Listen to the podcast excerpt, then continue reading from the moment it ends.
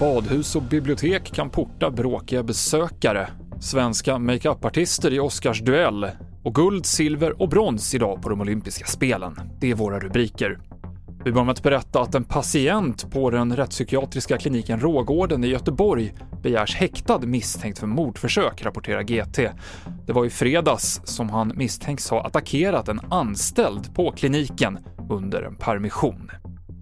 Det kan bli möjligt att porta personer från badanläggningar och bibliotek om det finns risk att en person kommer begå brott på ett badhus eller ett bibliotek eller allvarligt trakassera personal eller besökare så ska de kunna portas enligt ett nytt lagförslag. Om lagen blir verklighet så kommer den börja gälla nu i sommar. Oscarsnomineringarna presenterades idag och det kommer bli en svensk duell i kategorin Årets makeup. Love Larsson och Eva von Bar som gjorde Stellan Skarsgårds fettkostym i Dune är nominerade och det är också Göran Lundström och Anna-Karin Lock för House of Gucci. Två av våra grannländer har chansen att vinna i kategorin Årets utländska film. Både det norska bidraget Världens värsta människa och det animerade danska dokudramat Flykt blev nominerat. Flest nomineringar sammanlagt fick västernfilmen Power of the Dog med 12 stycken, följt av Dune som fick 10 nomineringar. Och vi avslutar med dagens svenska OS-framgångar.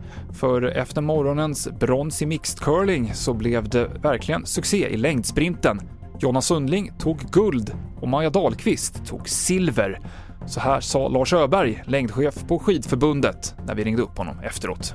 Nej, men det är helt fantastiskt. Eh, vi, hade, vi har levt med ganska stor press. Eh, framförallt Jonna och Maja som, som vi har dominerat eh, hela säsongen. Så att, eh, jag tycker det är så otroligt imponerande att kunna leverera när man vet att man har all tyngd på axlarna som, som de tjejerna har haft. Grymt imponerande.